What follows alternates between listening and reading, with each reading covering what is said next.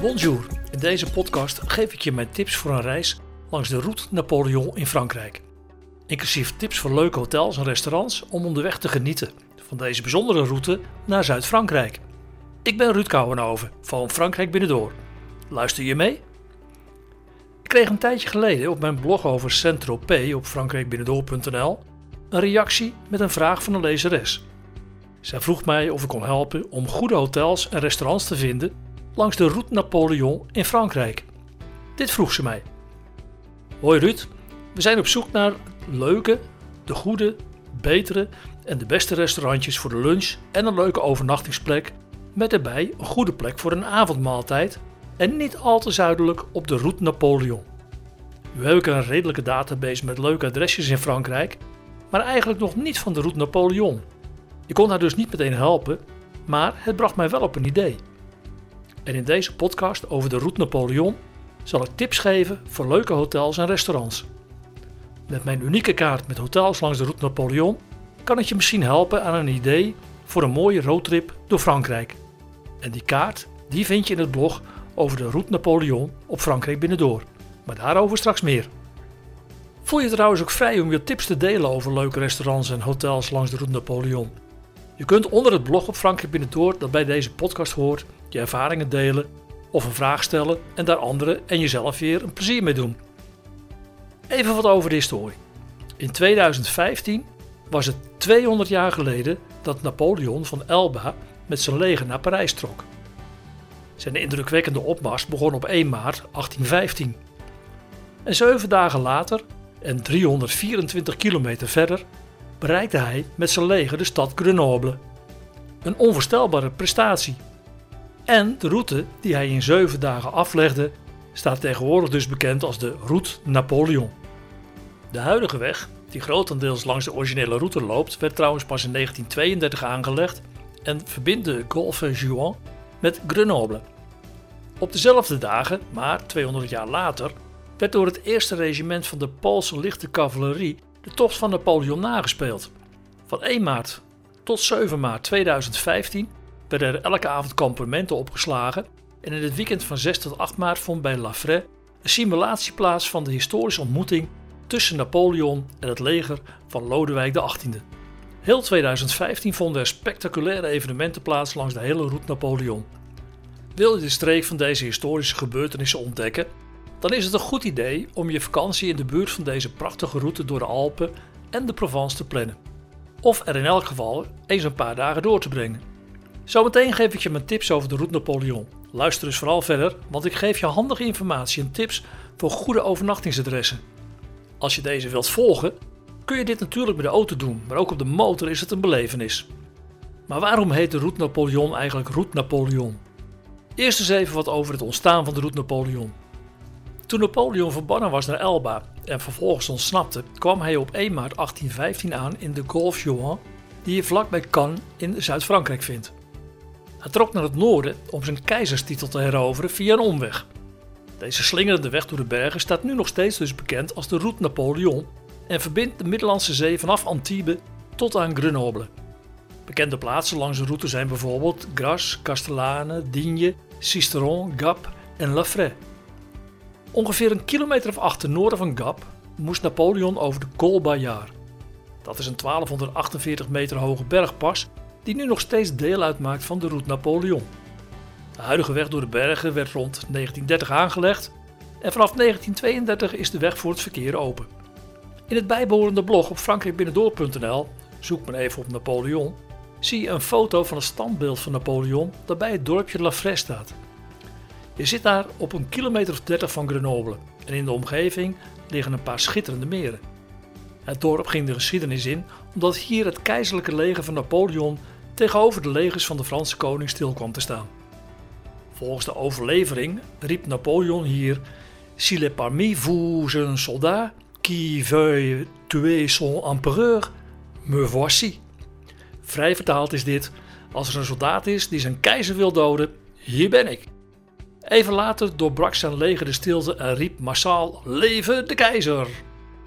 Deze historische ontmoeting staat dus genoteerd als belangrijk voor de geschiedenis van Frankrijk. En tegenwoordig is de route Napoleon Een fraaie bergroute in Frankrijk, maar er zitten een paar pittige hellingen in, zoals bij de Pas de la. Bij Castellane en voor Grenoble kom je ook nog een paar flinke hellingen en afdalingen tegen. Ik heb geen ervaring om er met een caravan te rijden, maar Napoleon besloot niet voor niets in Gras zijn zware materiaal achter te laten. Wat ik wel weet is dat vooral het stuk tussen Vizille en Gap door de steile afdalingen voor een caravan niet echt is aan te bevelen. Bij de auto of op de motor is de route Napoleon echter wel een belevenis. Het is niet de snelste weg naar het zuiden, maar wel een hele mooie. Ook als auto- of motorrijder zul je echter attent moeten zijn, want je komt best wel pittige afdalingen en bochten tegen. Maar nu ga ik langzamerhand over naar het antwoord op de vraag over die leuke restaurantjes en hotels. Ik ben op zoek gegaan naar een makkelijke manier om snel een goed hotel te vinden langs de route Napoleon. Zelf geef ik meestal de voorkeur aan Booking.com, want je kunt er snel iets vinden en veel selecties maken. En tegenwoordig kun je naast goede hotels ook mooie chambre d'hôtes, vakantiehuizen en campings boeken voor een scherpe prijs. Bijkomend voordeel is dat je met een creditcard reserveert en je betaalt pas na vertrek uit het hotel. In veel gevallen kun je zelfs tot een dag voor aankomst nog gratis annuleren. Ik heb bijvoorbeeld ook regelmatig pas op de dag voor aankomst via Booking.com gereserveerd. En dat is tot nu toe altijd probleemloos verlopen.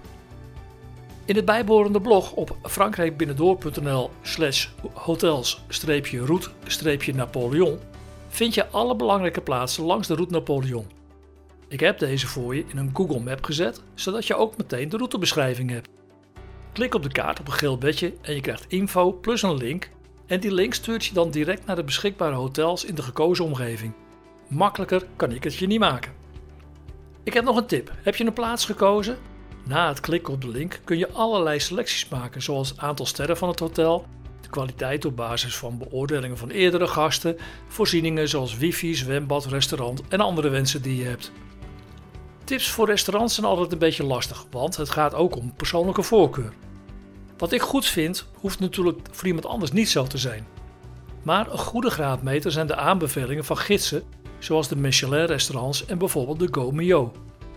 In het eerder genoemde blog vind je de links naar de genoemde websites, zodat je ook snel iets kunt vinden in de omgeving waar je bijvoorbeeld wilt gaan lunchen. Ik heb overigens gezocht en ontdekt dat langs de route Napoleon niet veel restaurants zijn te vinden die door Michelin of Gomeo worden aanbevolen. En trouwens, voor de goede orde, in de Michelin-gids staan niet alleen maar sterrenrestaurants hoor, maar ook gewoon goede restaurants waar je voor een eerlijke prijs kunt eten.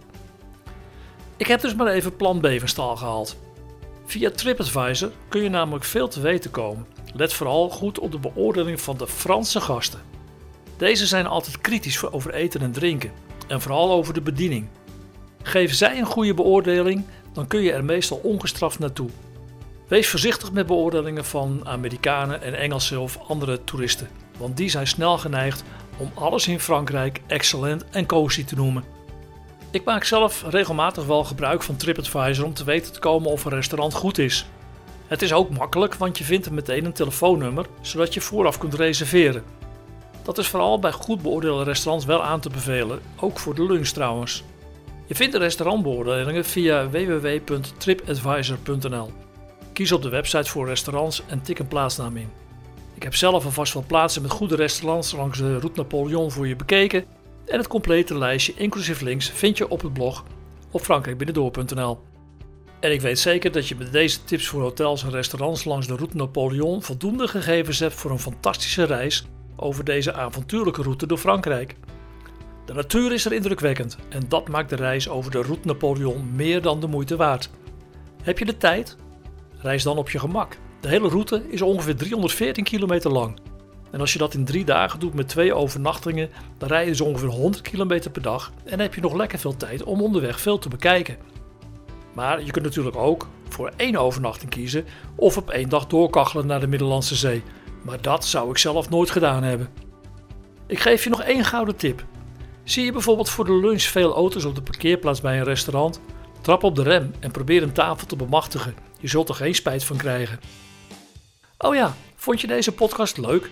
Meld je dan aan in Spotify, Apple Podcast of Stitcher op Frankrijk Binnendoor Online en je bent altijd als eerste op de hoogte van nieuwe podcasts. Je kunt natuurlijk ook altijd even kijken op frankrijkbinnendoor.nl slash podcasts. en je aanmelden voor mijn wekelijkse tips. Tot mijn volgende podcast.